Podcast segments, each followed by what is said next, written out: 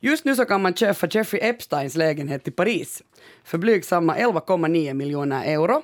Försäljarna har nu varit jättenoga med att inte berätta vem som ägaren är.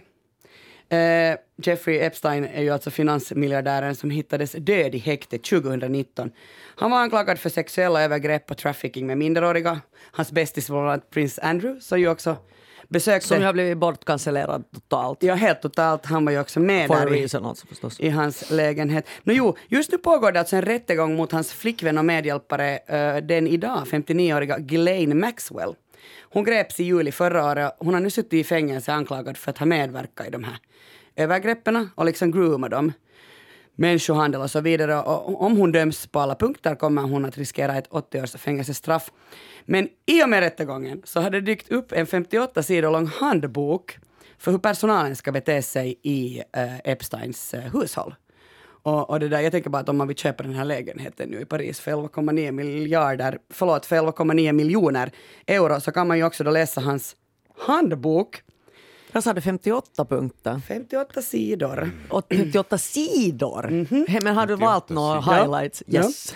Ehm, det är så att om man då var, liksom, alltså det var, då var man ju inte groomad ung 14-årig liten flicka, utan det var oftast så att man var anställd i hans hushåll. Personalen var bland annat förbjuden att säga yeah, no problem och gotcha. Utan istället måste man alltid svara my pleasure. I would be very pleased to. And you are quite right. Man var tvungen att alltid le, aldrig ha direkt ögonkontakt med någon, alltså aldrig med, med liksom Jeffrey eller, äh, eller Ghislaine eller då förstås någon av gästerna. Och så var det sån en, man ska alltid titta neråt på någon. ja, det var också en regel förstås att du vet ingenting som händer i det här huset. Eh, man fick inte prata med någon om man hade händerna i fickorna. Alltså det är så konstiga regler. Och sen var det jättemycket regler eh, för hur man skulle svara i telefonen och man fick aldrig äta eller dricka framför paret. Eh, Eh, de här lägenhetsreglerna, jag lovar, jag sätter med dem i referenslistan så ni kan läsa igenom den här 58-sidors rapporten. Jag tycker det är roligt för det påminner ju om så, här, så kallade riders, alltså vad olika kändisar. Jag har en kompis som jobbar på Stockholm Music and Arts då när Prince var där. Så han berättade lite så godbitar från hans rider. Och det var den här samma saken, just att, att om man, man fick ju inte befinna sig backstage, de som jobbar där. Men om man i misstag skulle råka vara där och inte ha hunnit hoppa ut genom fönstret eller vilken väg man nu lyckas ta, så var det alltid där, du måste titta ner och inte tilltala. Man får inte titta- man får inte titta på ja, Prince. Du får inte titta på honom. Sen så skulle han också dölja allting med lila tyg. To hide unbearable sights. Det var en av punkterna. Det var alla möjliga Mm. spännande punkter. Jag hörde också om det där, det var en fransk produktion som filmade i Finland. Då var det också viktigt att ingen fick se på skådespelarna när de spelade. Alla måste titta ner i marken. Jag hoppas att regissören fick se. Ja, alltså, jag tror, att, jag tror att, han, att den personen tittar väl i, liksom i, i monitorn. kamera. Så jag tror Ja. att ingen, Monitorn, tittar, ingen får titta sant. direkt. Och att det var någon som hade sneglat upp och då hade den där huvudrollen direkt slagit av och varit sådär, vad i helvete håller du på med?" Oj, herregud, det liksom skulle- paus. Det, det skulle vara just, Liksom i tio minuter och han var liksom jävligt upprörd. Det var liksom inte alls. det, det skulle vara jag. Ironin med tanke på hur, förlåt nu men skådespelare tycker jag om att man tittar på dem normalt kanske. Så typiskt sådär, vad håller du på med?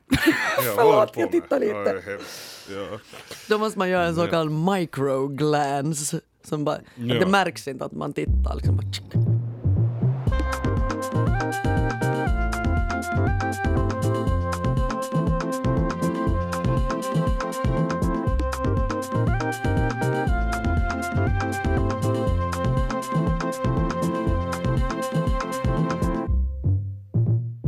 Välkommen till Sällskapet, en kulturpodd med samhällsperspektiv. Jag heter Kia Svetihin och med mig har jag Andrea Reuter, välkommen. Tack!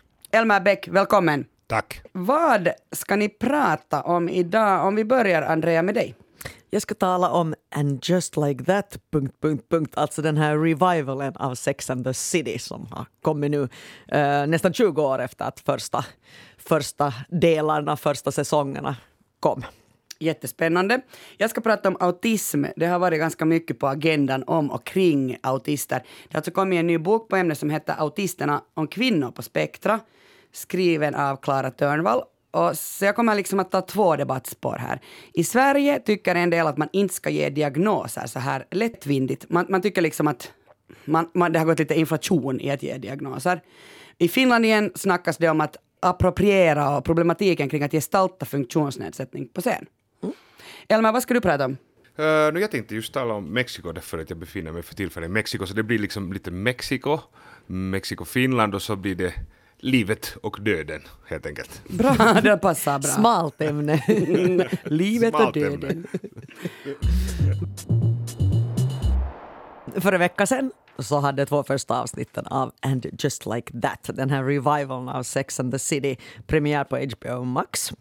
Um, ja, jag vet inte hur mycket man ska hela tiden utgå från att alla har sett i alla fall originalserien, men om det finns någon som har bott under någon sten eller kanske eventuellt inte kvinna så kan jag bara säga då att den här uh, serien kom från 1998 till 2004 som då hette Sex and the City. Den skapades av, av Darren Star som är en så här stor uh, serieskapare av väldigt så här kommersiella breda serier. Han gjorde också Beverly Hills 90210 och nu sist Emily in Paris som var en jättestor succé på Netflix.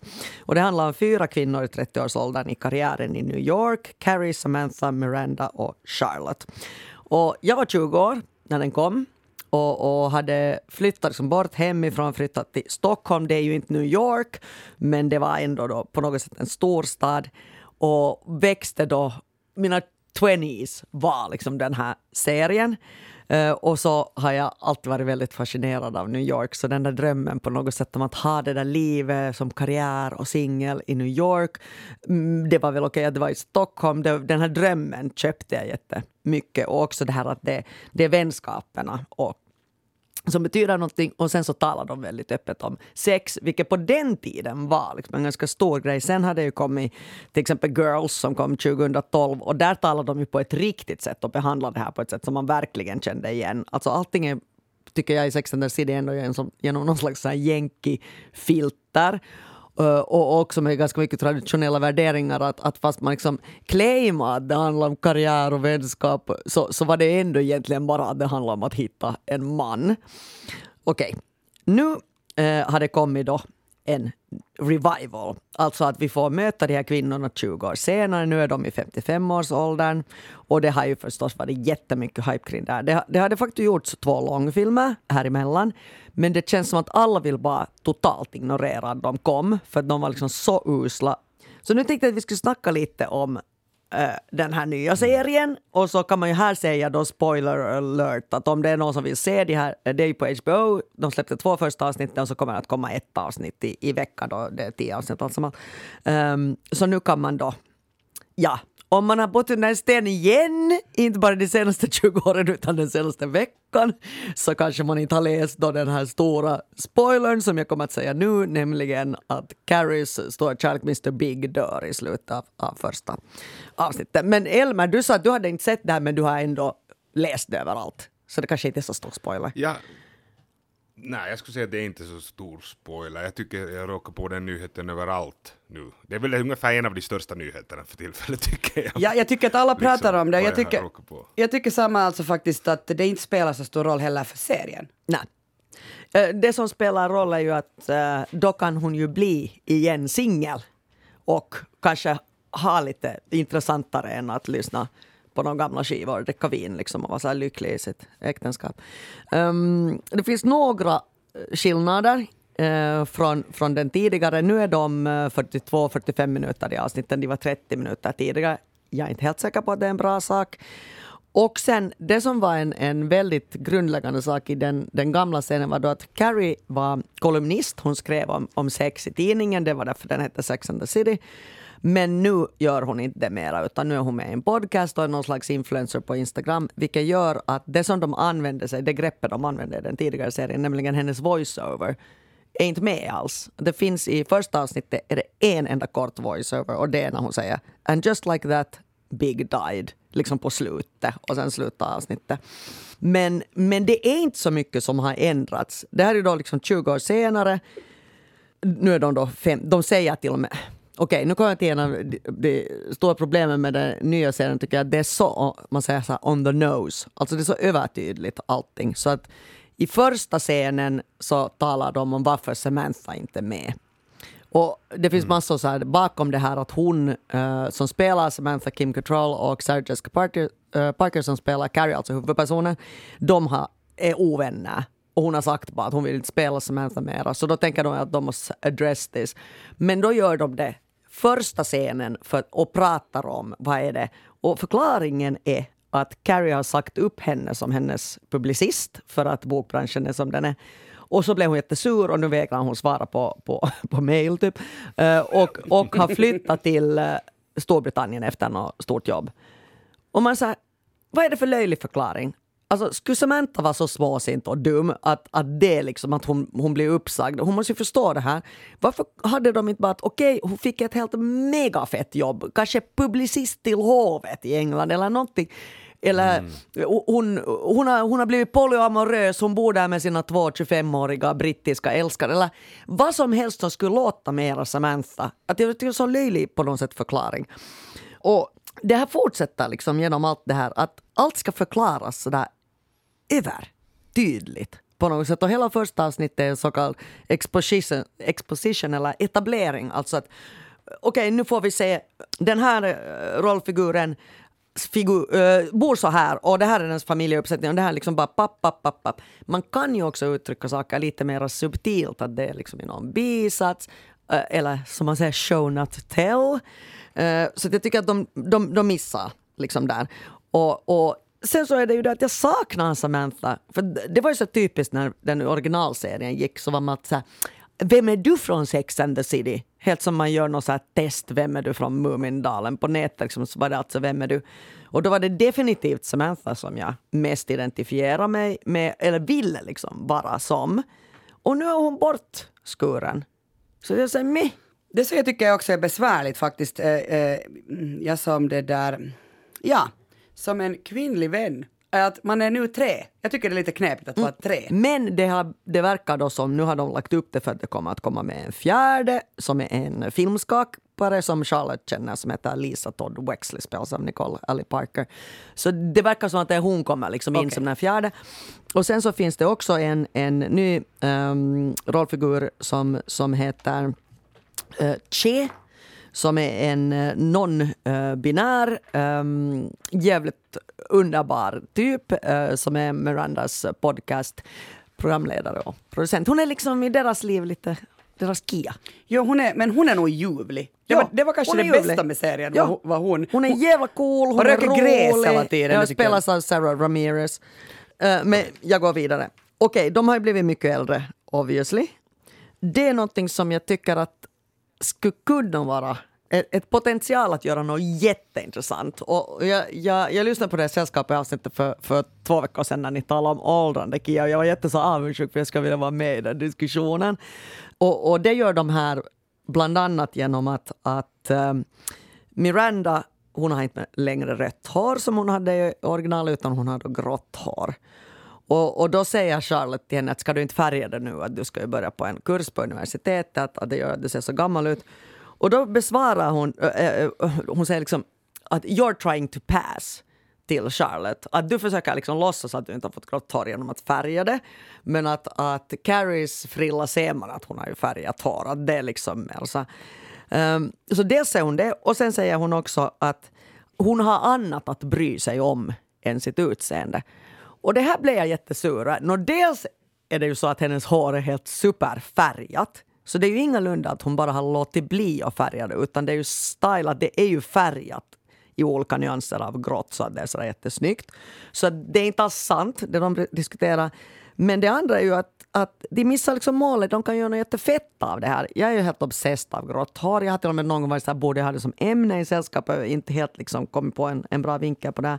Men jag tycker det är otroligt snyggt och jag tycker det är en power-grej att visa en ålder som också har med sig en pondus, att embracea att man blir äldre och hela det på män är det ju liksom gråtidningen, charm och silverback och allt sånt här. Och jag tycker att det också är så för kvinnor. Och, och Andy McDowell i den här nya serien Made och också helt privat på röda mattan och så har så helt amazing långt grått hår. Det finns ju den här modellen Marian Moneymaker som är jättestor på, bland annat på Instagram, som också har ett fantastiskt långt grått hår. Och jag, jag vill inget hellre än ha grått hår. Och då tänker jag att de skulle kunna diskutera på det sättet att de skulle haft olika åsikter om vad grått hår är. Inte bara det där att jag bryr mig inte, det är därför jag har grått hår. För det är ju jävla coolt. Så jag tänker att här missar de något.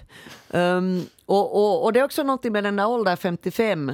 Um, att jag tycker inte att det finns liksom så mycket serier och populärkultur kanske kring hur det är att vara kvinna i den åldern. Eller, eh, eh mm, där är en fantastisk möjlighet. Och de, de nämner ingenting kring klimakteriet. I alla fall under de två första avsnitten. Och det som jag tycker är så helt fantastiskt med den här serien Grace and Frankie, som ni väl båda har sett. Jag har sett no, no, någonting, inte något mycket. Ja, no, där är Jane Fonda och Lily Tomlin. De är mycket äldre, de är så 78 liksom, i den här serien. Men där talar de jätteöppet om, om, om sex och åldrande och, och krämpor och allting. Och som en kvinna som nu då är på väg liksom mot övre medelåldern så skulle jag jättegärna vilja se de här diskussionerna i riktigt bred populärkultur kring vad det innebär att vara i den åldern. Um, och det tycker jag inte i alla fall att de hittills har lyckats med i de här avsnitten. Men det är samtidigt det är svårt om man ska bedöma någonting utifrån, utgående från vad man själv skulle ha vilja att det skulle vara. Man måste ju ändå bedöma det utifrån vad det är. Men det är liksom inte det finns ingen edgighet. Och det är ganska lite så här självrefererande och, och, och smart som det var förr i tiden. Vissa ställen som bara plötsligt lyckas, till exempel när den här Biggs begravning är i andra avsnittet, så är det en, en eh, rollfigur som inte liksom i den här inre kretsen som bara viskar till sin polare att men alltså han var ju också ett svin mot Carrie. Och det var så ljuvligt, för det tänker man ju själv också, nu ska han liksom hyllas så bra. Men alltså gud vad han har betett sig dåligt eh, mot henne. Liksom, det är kul att de fick sitt lyckliga slut som de var gifta i, i 20 Sen, Silja Sagren Forstad som är filmkritiker här på Svenska Yle, hon, hon har alltså sett fyra delar. Eftersom, oh, hon har fått se Om man är recensent får man se lite mer än oss. Och det där, hon sa också så här lugnande till mig att uh, de här två första delarna är så här, mm. men Alltså den delen som kommer idag när den här podden kommer ja. ut, alltså del nummer tre, den är liksom, det är inte som att man sitter och funderar vilken outfit Carrie ska ha på sig ikväll, de har kommit förbi det, men det är en väldigt bitsk, ett väldigt bitskt replikskifte, mm. att det får vi tillbaka. Okej, okay, härligt, därför att jag har inte helt gett upp ändå min, bra, mina förhoppningar. Jag vill bara säga en sak till som jag tycker att de, att de, de missar på, och det är att Miranda, vars äh, grej hela tiden har varit att hon är smart, hon är jurist, hon görs jättedum i det här avsnittet. Uh, första avsnittet. Och det gillar jag liksom inte. Uh, det handlar om, om uh, vad man ska säga, wokeness. Ja. Och, och, och det är förståeligt för att hon börjar på universitetet och det är ju på universitetet kanske liksom ursprunget till och diskussionen kring både för och mot wokeness har liksom på något sätt fötts i de här klassrummen. Så det kan jag förstå rent dramaturgiskt men jag tycker att det kanske skulle kunna vara Charlotte istället som annars också är konservativ. Jo, klumpig. Jag avskydde, alltså jag, jag fick nästan så att jag måste stänga av. Alltså okej, okay, det var ibland faktiskt under de här två delarna så att jag måste gå bort. Du måste ta paus. Nej, jag, jag tog inte paus för då måste man ju titta på den. Då, jag bara lät det rulla och så gick jag till köket. Mm. Eller typ gick på vässan. Men, men bland annat är det så att hon sitter, de sitter och äter. Hej, ska vi ta och lyssna? Ja, let's. Vi tar och lyssnar så får ni komma in i filisen här. Carrie, future is unwritten because we're all at different stages of life. Tonight, bring your A game. Hey! This is X, Y, and me. What about you, Carrie? Have you ever masturbated in a public place? Not since Barney's closed. oh, honey, I'm home. I remember when you kept your sweaters in the stove. And just like that, after all the years, and all the changes.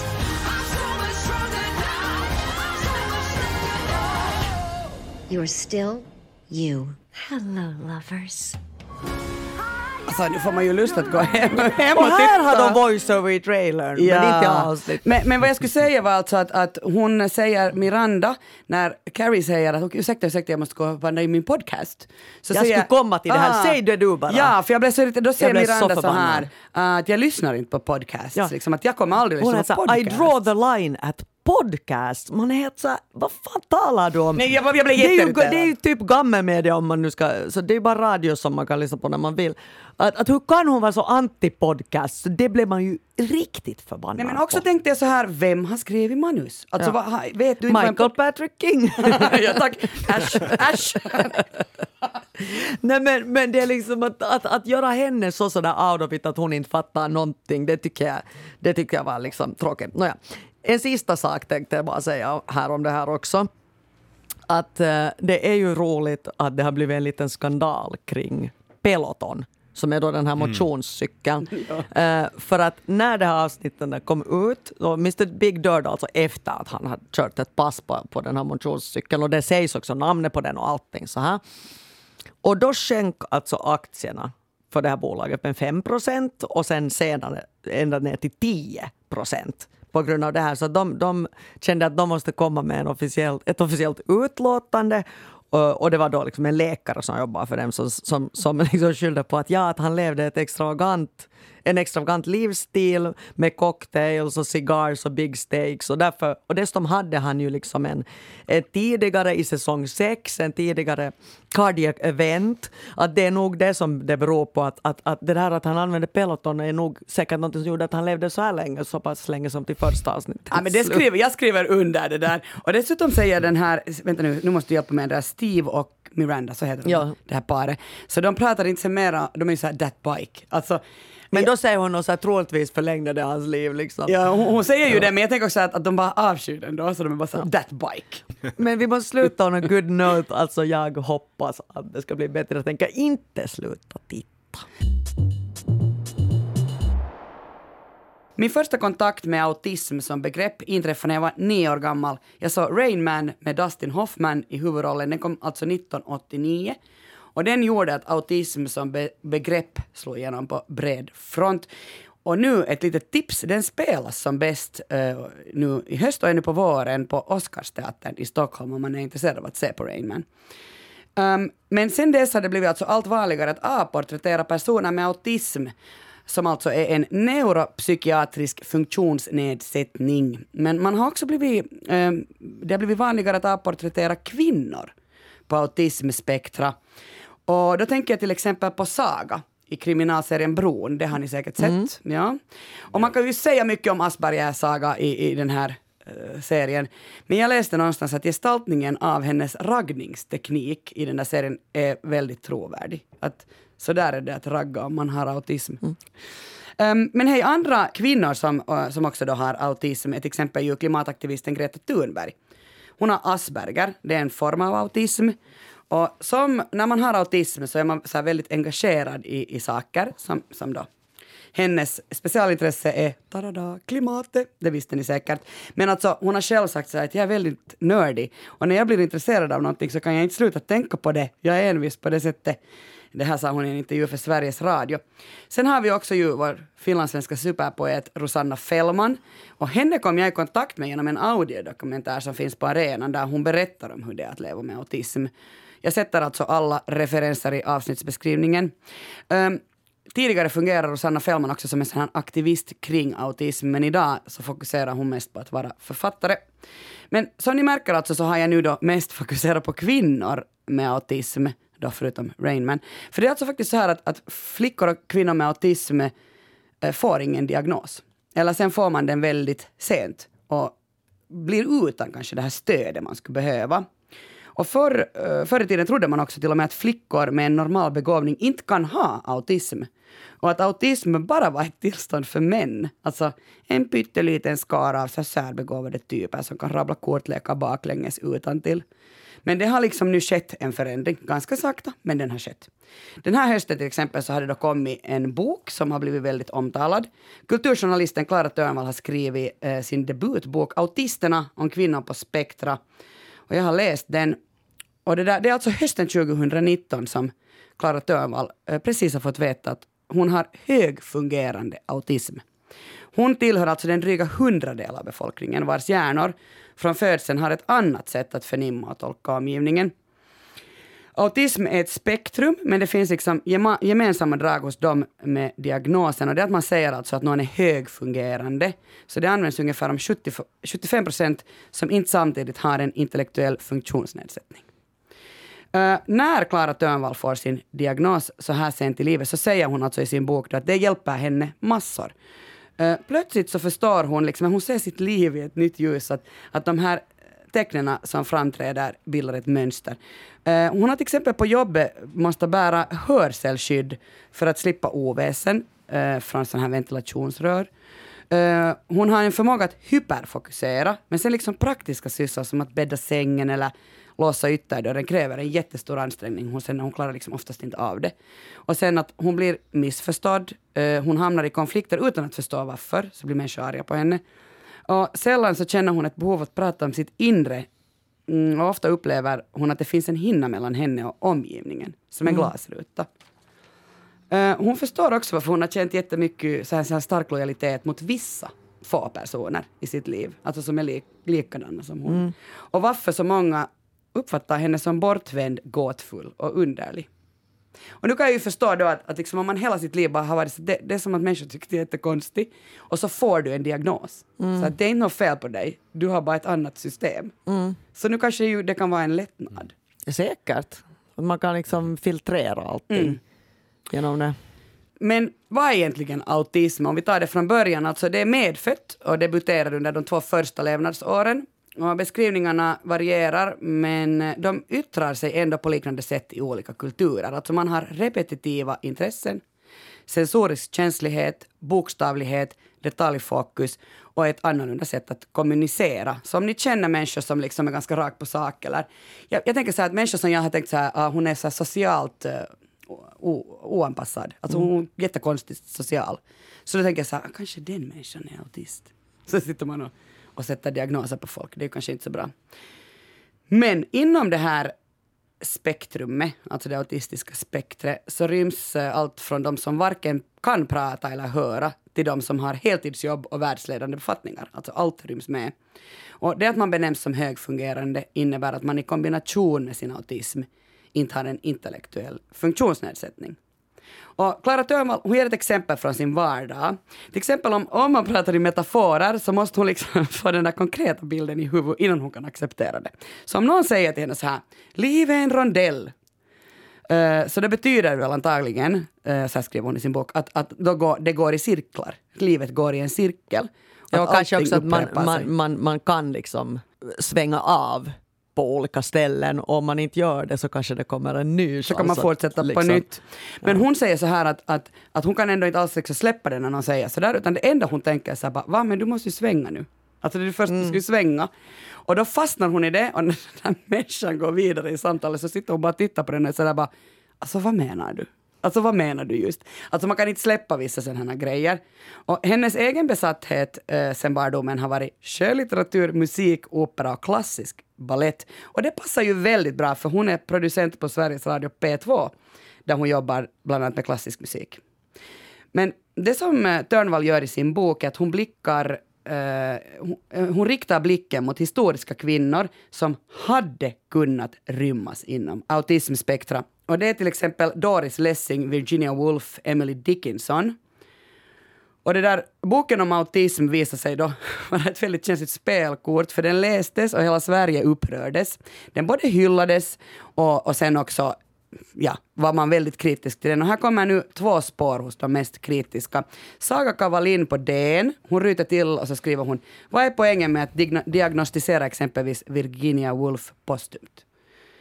Alltså hon tycker liksom att, att genom att ignorera allt vad historisk kontext heter och lägga ett samtida sånt här neuropsykologiskt filter över döda geniers verk, det ska man inte göra. Att man måste kunna liksom, du ska väl kunna läsa Virginia Woolf utan att, vad är det för skillnad? Ja, det är väl alltså att läs, jag tänker att det här är också skillnad på verk och person. Det kan ju vara spännande att lägga olika sorts eh, filter och ingångar på historiska människors liv. Men eh, att lägga dem på verk, ja inte vet jag, men om man får någon mera förståelse. Man, det är viktigt att pröva olika tankar. Jag För tycker att landa spela- någonstans. Liksom. Att, att, och det är ju ingen som lider av det, den här människan är ju död. Eller jag, jag, det fattar jag inte helt som kritik. hon är nu väldigt sur på det här eh, och det där säga liksom, ja men för det som jag också tänker är att till exempel om man tar Virginia Woolf, Sylvia Plath, Simone Weil, så de dog ju så här typ i psykisk sjukdom, alltså dep- Ja, I alla fall Sylvia Plath depression. begick ju självmord.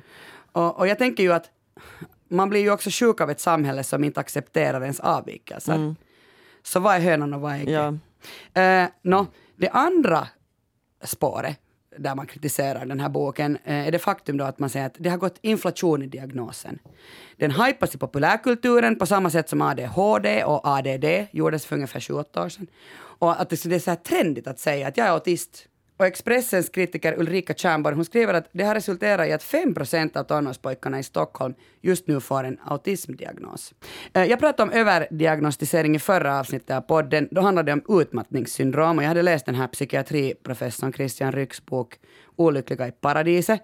Den menar liksom att gränsen för diagnos har sänkts jättemycket, helt för mycket. Nå, I samma bok så finns det med en, en sån här autismexpert, Christopher Gillberg. Och han säger att den här neuropsykiatriska utredningsverksamheten har spårat ut helt och hållet. Alltså att diagnoser ställs för lättvindigt.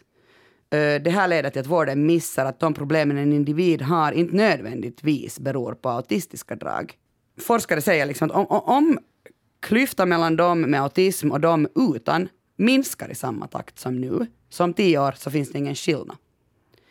Men många behöver kanske en diagnos för att skolan och arbetsplatserna inte är anpassade efter deras behov eh, och förmågor. Så vore det inte då liksom en bättre investering att samhället skulle skapa större flexibilitet här? Alltså istället för att satsa på ännu fler utredningar så borde man väl kanske mer jobba med att samhället skulle kunna ha alla sorters människor.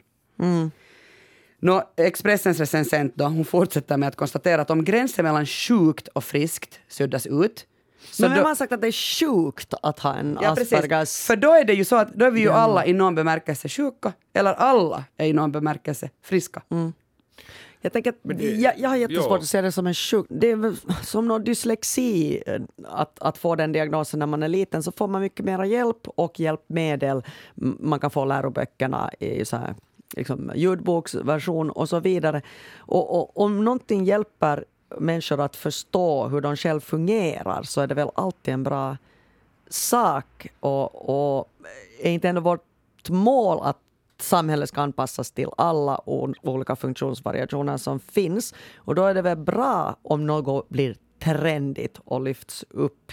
Men jag tänker också att det, det beror på, jag kan förstå problemet när det blir för mycket diagnostiserat också. Jag tänkte på det där med ADHD. Jag är ganska säker på att om jag skulle ha varit då riktigt ung då för 20 år sedan när det just var trendigt så skulle jag nästan säkert ha fått den. För jag hade nog, och jag har tänkt på det alltså att om, om jag har någon liksom lätt, för jag hade nog alla de liksom symptomen på det.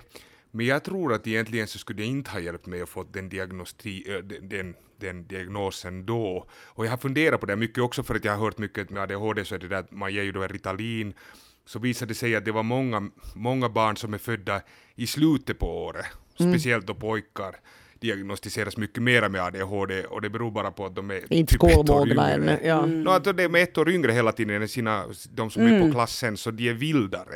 Ja. Och då säger man att de har, och Barnsligare. så, så, så ja, och så är man liksom läkemedel. Alltså att, jag menar det att om man, om man om, det är just det att jag förstår det att om diagnosen kommer rätt så är det en lättnad. Om den så att säga kommer fel så kan det plötsligt just bli så att man tänker att det är för att jag har det här, det är för att jag har det här, det är för att jag har det här.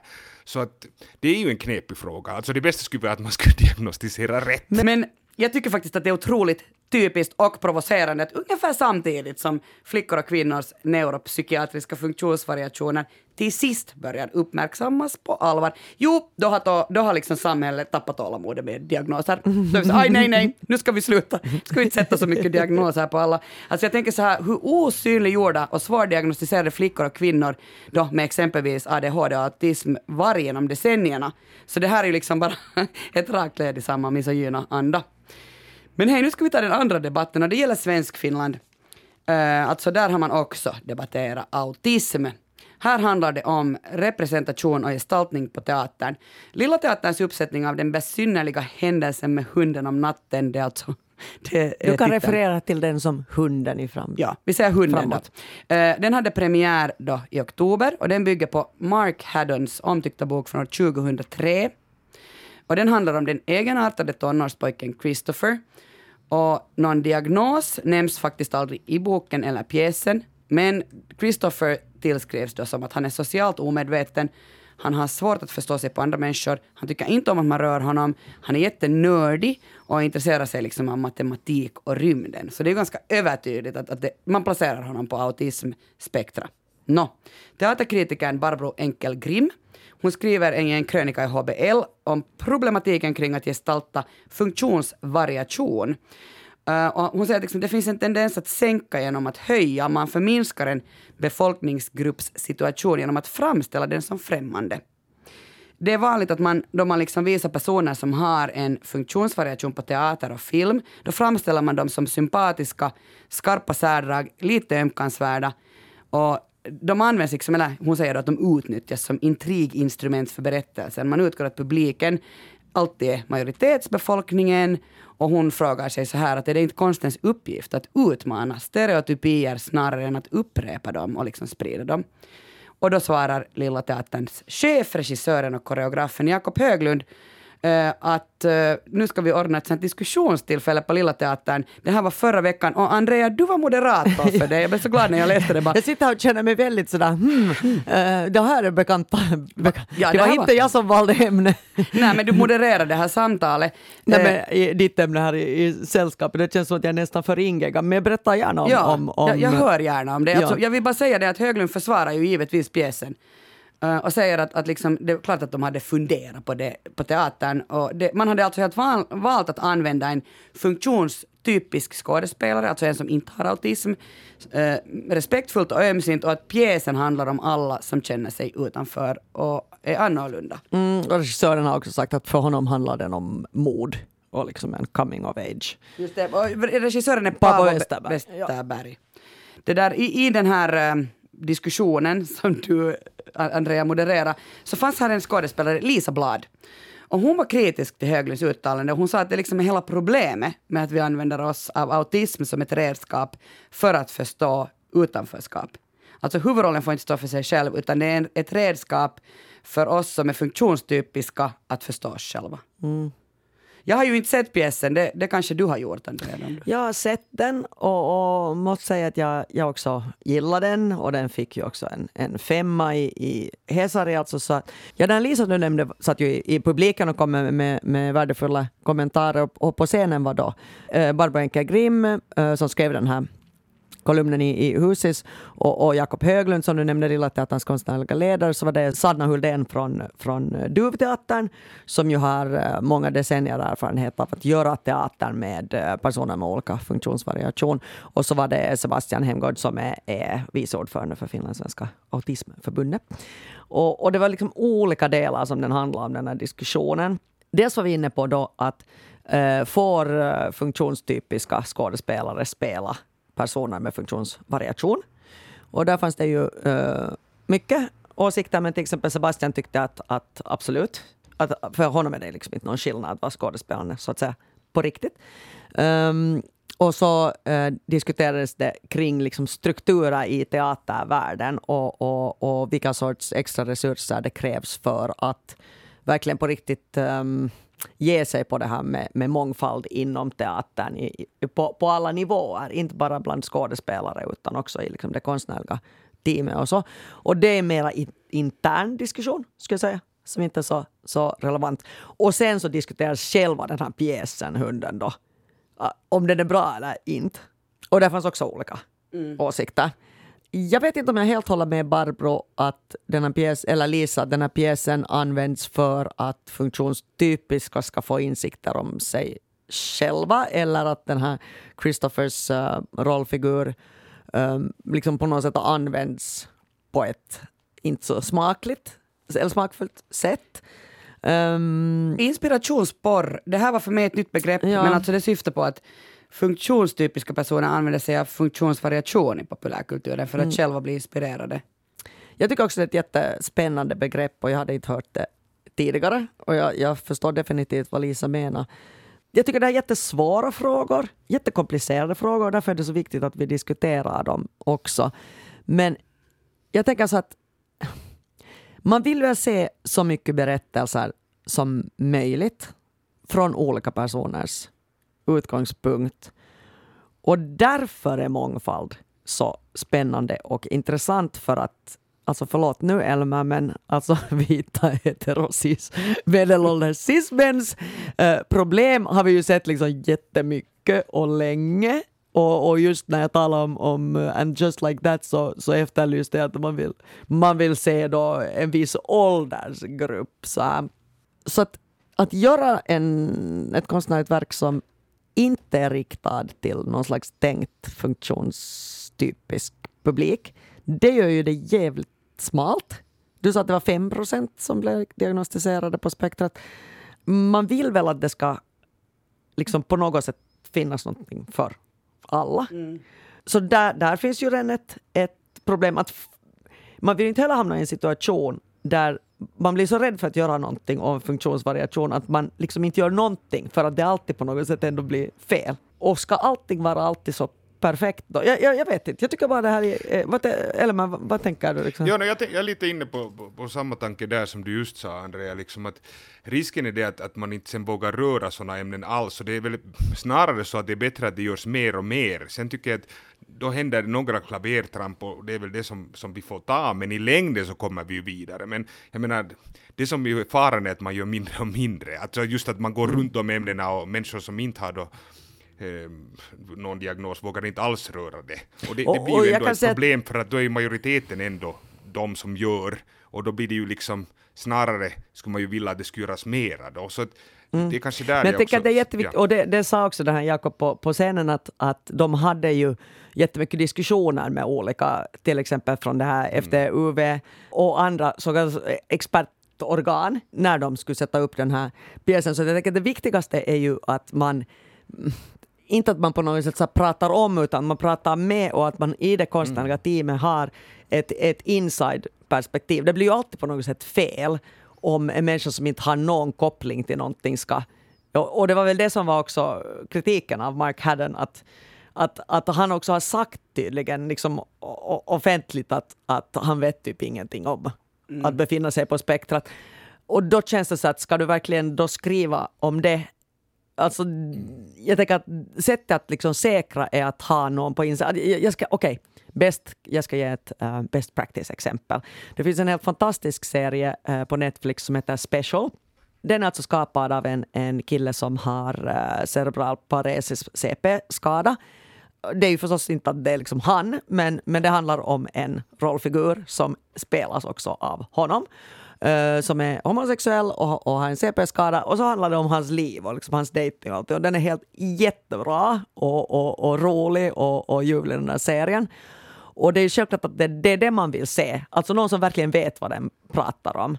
Um, så att kanske lösningen då är att man i det konstnärliga teamet alltid tar in någon som verkligen liksom kan den här frågan. Ja, för jag Ja. började, jag började fundera på den här um, Toda sobre mi madre, den här som var på, alltså allt om min mor. Kommer ni ihåg, den var på, på hösten var det ju. Ja, det var en stor skala. kring ja, det. var för, Ja. det var förra året va? Nå, där var ju liksom grej, alltså det var um, Nationalteatern som satte upp den och de hade kastat en man i rollen som en um, transvestit. Faktiskt inte en transsexuell utan en man som gillar att klä sig som kvinna. Och så blev det väldigt mycket begreppsförvirring kring det där. Alltså i Almodovars film är det ju också liksom det. Um, Ja, de visste väl inte riktigt Ja, vad de, det visste, de hade inte definierat vad det där var och, och jag kan se um, poängen med att eh, man inte ska ha en, en man som spelar en transsexuell utan då ska man ha en transsexuell skådis. Men allt, det här är ju jättesvårt. Var drar man sen den där gränsen? Jag tycker hela, du som är skådis själv, Elmer, alltså det är ju problematiskt om det ska bli så att det enda du skulle få spela är en finlandssvensk skådis som har bott i Berlin och bor nu i Böle. Um, Ja, det är ju det här samtidigt... som just är, är komplicerat. Det, det, I den diskussionen så förstod jag ganska bra, jag tycker, nu kommer jag inte ihåg, det var någon som sa i den diskussionen bara att det är viktigt just att en kvinna spelar en transkvinna för att då understryker att en transkvinna är kvinna. Att om du har en man så säger det hela tiden att, att en transkvinna då så att säga inte är kvinna. Ja. Och det tyckte jag var sådär, okej, det är en intressant poäng och den kan jag liksom förstå. Det som jag tänker när det, när det liksom sväller upp i de här, jag tänkte också att liksom där tänker jag att både med den här pjäsen som nu satts upp och då Todo sobre min madre, att liksom idén varför de vill sätta upp den tror jag ändå inte så att säga negativ eller att de vill göra fel så att säga. Därför, därför tänker jag att, att jag blir rädd att de här, just när det blir så stor, stora balder, att det på något sätt gör just den där, den där rädslan blir större. Sen tror jag att när det handlar om sådana saker så då är tio år är så jävla lång tid. Alltså jag menar redan att han skrev den 2013. Nej, till nu. 2003 Nej, till och med. 2003! Nej, nej, nej nu, nu, nu talar jag om den här nya, nu talar jag om den här Hampton, alltså den här besynnerliga. Ja, Nej, ja, nej, men det var väl 2003 var det. 2003. Härdön, Ah, tre. Härdön skrev den alltså, det, för det är faktiskt, Okej, eh, ja, ja. tycker jag att, att man kunde ju ha tagit en nyare berättelse om autism än den. För där sa ju till exempel, just jag läste någon som var insatt i den här diskussionen och hon pratade just om det här att Rain Man liksom var inte problematisk när den kom, därför att då fanns det inga filmer som behandlade det överhuvudtaget. Det var jättebra att den kom när den kom. Nu är den problematisk, därför att nu borde vi ha kommit vidare. Och det tycker jag är okej, det, det, det förstår jag. Det är inte så att Rain Man, liksom, när den kom, Ren var liksom ett, en fruktansvärd film som ingen borde någonsin se, utan den hade en poäng då, därför att då hade vi ingen vetskap. Men nu finns vetskapen mera, så nu att sätta upp Rain Man, vilket är intressant att de gör det i Stockholm. Jag tänkte också att det är spännande, hur gör de det? För den känns ju ändå förlegad. Ja, verkligen. Alltså skulle jag tänka mig liksom Rain Man att göra nu. Men alltså, så det är ju spännande just att man måste ju se liksom, när, när går det då ett steg framåt? Och det tänker jag ändå att det gör nu. Alltså just med, med de här två föreställningarna, alltså det att det görs i, i Finland, svensk Finland, är ju ett steg framåt. Men sen kan vi väl ändå inte förvänta oss att alla ska vara redan framme vid målet. Och då tycker jag ändå att men allt går ju egentligen rätt till. Jag tycker diskussionen runt Nationalteatern var jättebra, den gick. Jag lärde mig ganska mycket nytt runt det. Jag tycker nu är det igen bra att vi diskuterar. Det enda som jag tänker just att, att egentligen är ju allt ganska bra så att säga. Vi har ju nu de här diskussionerna och det Mm. sätts ju upp och, och man lär sig. Så, så jag hoppas bara att man skulle kunna Jag ha de här tänker- liksom, li- mindre liksom, Jag tänker att hetsigt på något allt sätt. har ju blivit liksom så uppsnabbat. Om man, no, nu tar jag parallellen, okej, Philadelphia, när den filmen kom. Så då var det alltså två heterosexuella män, eh, Tom Hanks och och Antonio Banderas, som spelar två homosexuella män. Och det var den första Hollywoodfilmen som handlade om aids. Och den kom väl då 93 eller något sånt här. Eh, och så tog det då alltså 30 år tills vi nu då tidigare i år fick It's a sin. Och vi har haft Torka aldrig tårar och så vidare. Och, och, och, och där, redan i Torka aldrig tårar var det ju ännu så att de spelades av heteromän. Men nu i It's a sin så spelas de av homosexuella precis som de, de, de tycker jag faktiskt i det här fallet ska, ska göra. Uh, och, men det är ju liksom en jättelång grej och det var jätteviktigt att den kom och vann Oscar och så vidare. För att det är ju helt skandalöst hur aids-epidemin tegs ihjäl så länge och, och, och hur fruktansvärt eh, många som, som han dö på grund av att det var en så åsidosatt um, grupp som, som gick igenom den här fruktansvärda pandemin. Um, så att jag tänker att nu skulle man ju kanske kunna ha förväntningar att det tar snabbare än 30 år. Men att det tar ju ändå på något sätt lite att baby steps i början, man gör lite misstag så lär man sig av dem och så går man vidare. Att det känns som att i, i dagens eh, kulturella klimat är det lite sådär att du måste nu göra allting rätt på en gång, annars är du en ond människa. Ja, man får inte lära sig. Ja, att det finns liksom noll tålamod för, för misstag och att dra lärdomar. Och jag vet inte jag tycker att det kan vara i sig också problematiskt. Samtidigt så tycker jag att man ska ta med fan och fatta att man säger rullstolsburen och inte rullstolsbunden och att, att man säger hen och så vidare. Det är liksom... Så jag tycker det är så jättesvårt för att allting är lite så här å ena sidan och andra sidan i de And här just like frågorna. that. Punkt, punkt. And just like that. Och sen också det att som, som privilegierad vit eh, cis eh, heterosexuell kvinna så är det ju självklart att saker är svårare för mig att förstå hur det är att befinna sig i en grupp som inte får samma sorts synlighet och, och, och miljoner saker att identifiera sig med. De facto fanns det ju inte ens det tidigare utan det var mest liksom män i allting. Alltså, man måste veta sina privilegier Ja, kanske. jät- jättemycket. Så jag befinner mig i Mexiko och då tänkte jag tala lite om Mexiko. För det första tänker jag att Mexiko är så stort att det är spännande nu när jag, när jag, ska, när jag säger till folk att åka till Mexiko så märker jag att det existerar liksom två bilder av Mexiko i Finland. Och det ena är drogkartellerna och det andra är liksom beach och sol.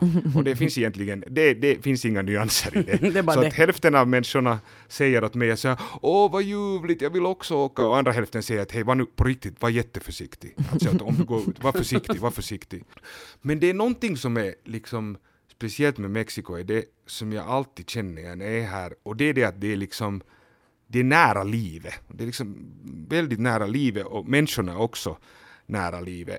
Och jag tror att det beror på främst det att, att det är nära livet så som livet är på riktigt. Alltså, livet är på riktigt så är det liksom brutalt, det är helt fantastiskt och det är helt okontrollerbart. Och vad som helst kan hända när som helst. Och det känner du dagligen här. Och då kan det vara det mest fantastiska, det mest underbara eller det mest fruktansvärda. Och båda sakerna händer här dagligen. och, och det känns, det känns den där närheten. Och jag tänker att det det är så annorlunda än Finland. Var, var på något sätt känner jag känner i alla fall i Finland att jag förväntar mig inte att något ska hända. Det är så, Det är nog lite liksom så. så. Också bara också att folk tar kontakt, alltså folk tar ju jättemycket kontakt med en här. Det gör man ju inte heller i Finland till exempel. Men, men jag tänker också faktiskt nu, eh, för att vara den där tråkmånsen, så det där, eh, tror du inte också att man alltså är så där att man lever, man är så nära livet där, därför att det är så jättelätt också att bli skjuten? Alltså att man lever nära döden därför att döden är så nära. Ja, alltså delvis. Jag vet inte bara om det är liksom direkt skjuten, därför jag tror att egentligen chansen att du blir så att säga skjuten direkt är inte så stor som man skulle tro. Alltså mest så blir det fortfarande liksom gängrelaterat, de skjuter varandra och som du är på fel plats vid fel tillfälle blir du skjuten. Jag menar bara att det, det är inte så att, de går, att det går folk omkring och skjuter folk på stan. Nå, nej, inte kanske Så- men, men ändå att det är ju Nej. ett farligt, det är ju ett farligt land. Ja, men därför menar jag just det, jag tror att den här farligheten också kommer från till exempel att trafiken är, är helt på en annan nivå här. Alltså, det finns många sätt att dö på i Mexiko, Alla, allt är inte att bli skjutna. Men jag håller med alltså, i, i, i grunden i vad du säger, att, det, att, att det finns liksom så att säga att, det, att faran finns närvarande gör att livet kommer också närmare. Och, och, och det tänker jag också att åka till Mexiko känns för mig ofta, alltså det är som att hoppa i, in i kallt vatten eller att eller som på ett sätt att gå upp på scen. Alltså jag har lite samma känsla för det jag far till Mexiko. Så där, det är pirrigt och på ett sätt skulle man kanske inte vilja. Men, men, men, men man är också liksom Ja, man är också liksom jättespänd på att åka och sen, sen, när man är, sen när man är här så njuter man. För att det som är grejen här är att den här tiden blir liksom komprimerad. Där tycker jag på samma sätt som man är på scen, att du måste liksom vara närvarande. För att jag menar till exempel om du går och tittar i din telefon och du går här i trafiken, alltså det, oj, hej då, liksom. That's it. och då menar jag att för att du inte har kontroll så måste du liksom surfa på vågen och då måste du liksom leva, du måste så att säga mer vara i stunden. Och där tänker jag just att, att den, det är spännande, jag tänkte på det här med Finland, jag, lä, jag läste någon gång om det att, att flyg är så trygga eftersom det är så jäkla farligt att flyga. Alltså, för att det är så farligt så har man måste göra så många säkerhetsåtgärder att det har blivit liksom jättesäkert eller tryggt att flyga. Och jag tänker lite så är det ju med Finland, alltså att det är ju så kallt och vet du, ingenting gror så här, alltså det är ju livsfarligt att leva i Finland. och därför har vi gjort det så säkert, alltså och tryggt för att, för att egentligen är det livsfarligt. Men jag menar i ett varmt klimat så du klarar dig helt bra, det är ju ingen liksom fara. Men jag menar i Finland mitt på vintern, om du, om du liksom måste gå hem från stan så kan det vara nästan livsfarligt lite i fyllan som jag någon gång måste göra fem kilometer då när jag var ung och när man inte fick någon taxi. Liksom, det kan vara ett reellt problem. det är det ju liksom så att säga inte här. Och, och därför tänker jag också att i Finland litar vi på auktoriteter, kanske just därför för att vi så att säga någon gång måste göra det. För att det var farligt om vi inte så att säga samarbeta eller om vi inte litar på någon. Och, på ett sätt så har man då kontroll och det har man ju inte här. Men jag tror liksom att, att Mexiko som land så, så att säga liksom är närmare sanningen. Jag menar närmare vad livet är. För att jag tänker att livet är egentligen ganska farligt. Och, och, och, och till slut dör vi. alltså, det, är det är liksom sanningen. Hälsningar av sällskapet ja, I Finland lever vi liksom i en säkerhetsbubbla.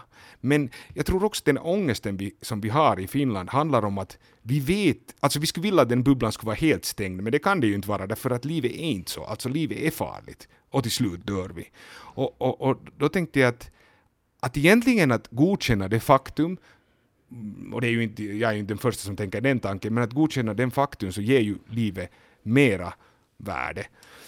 Och jag har liksom, jag har tänkt lite på döden på sistone, inte sådär jättedramatiskt på Mitt döden. favoritämne. Ja, men alltså jag blev ju 40 nu ganska nyligen, men ni har väl också båda gått över streck? Jo, jo, jo. Ja. Jo, jo. Och jag tänkte att... för Därför tänkte du på döden. Alltså, Gud, Ja, nej, men faktiskt, jo, men jag måste säga att jag, jag upplever faktiskt att det var en ganska stark känsla av en ny fas i livet. Och då menar jag det att nu när jag blev 40 så upplever jag ett starkt att jag liksom har ena foten i graven och andra, andra starkt i livet. Alltså jag menar på det viset så om jag har tur så har jag ju passerat då hälften. Som man kan det ju hända att jag nog är lite över än.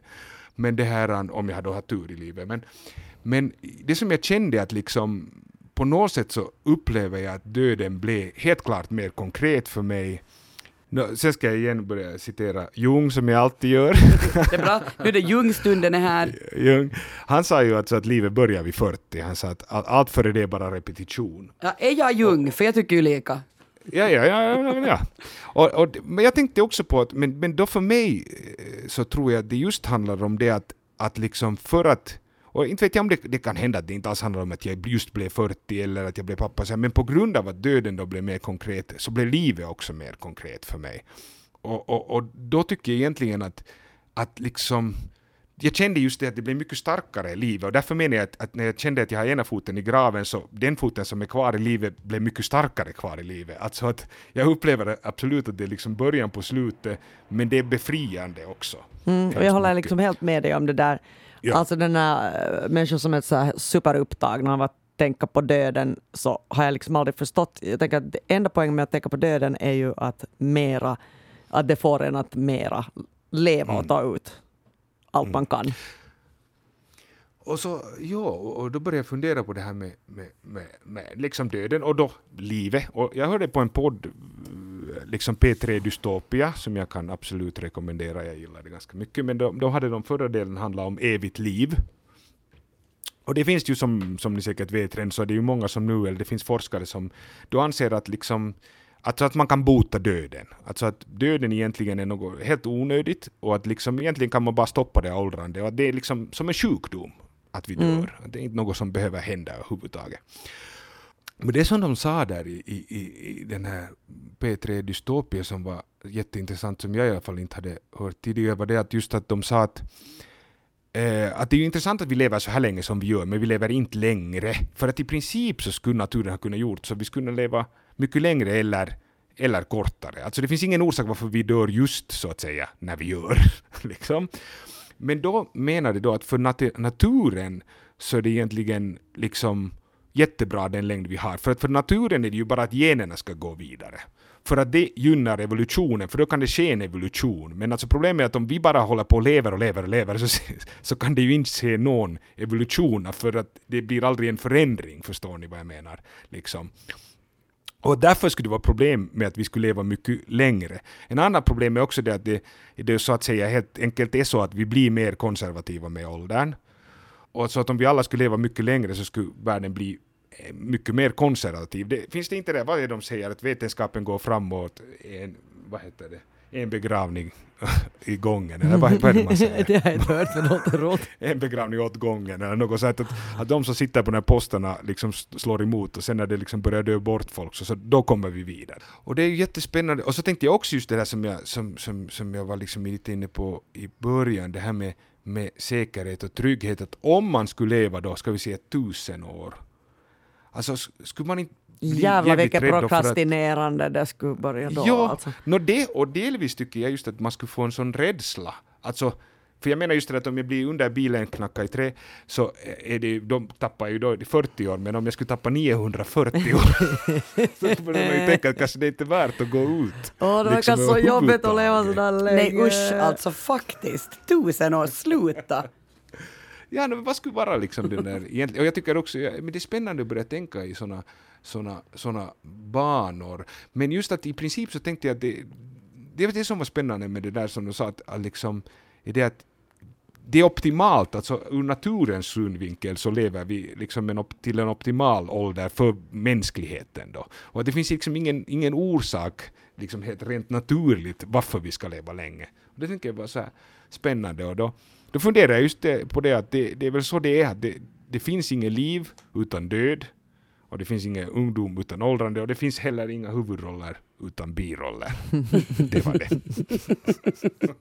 Och livet är frivilligt. Jag tycker det är så bra sagt. Tack Andrea Reuter för sällskapet. Tack! Tack Elmer Bäck för sällskapet. Tack. Vi får gärna dialog med våra lyssnare. Ni kan skriva till oss på sällskapet yle.fi. Alla referenser hittar du som vanligt i avsnittsbeskrivningen på arenan. Vi hörs! Hej då! Hej då! Hej.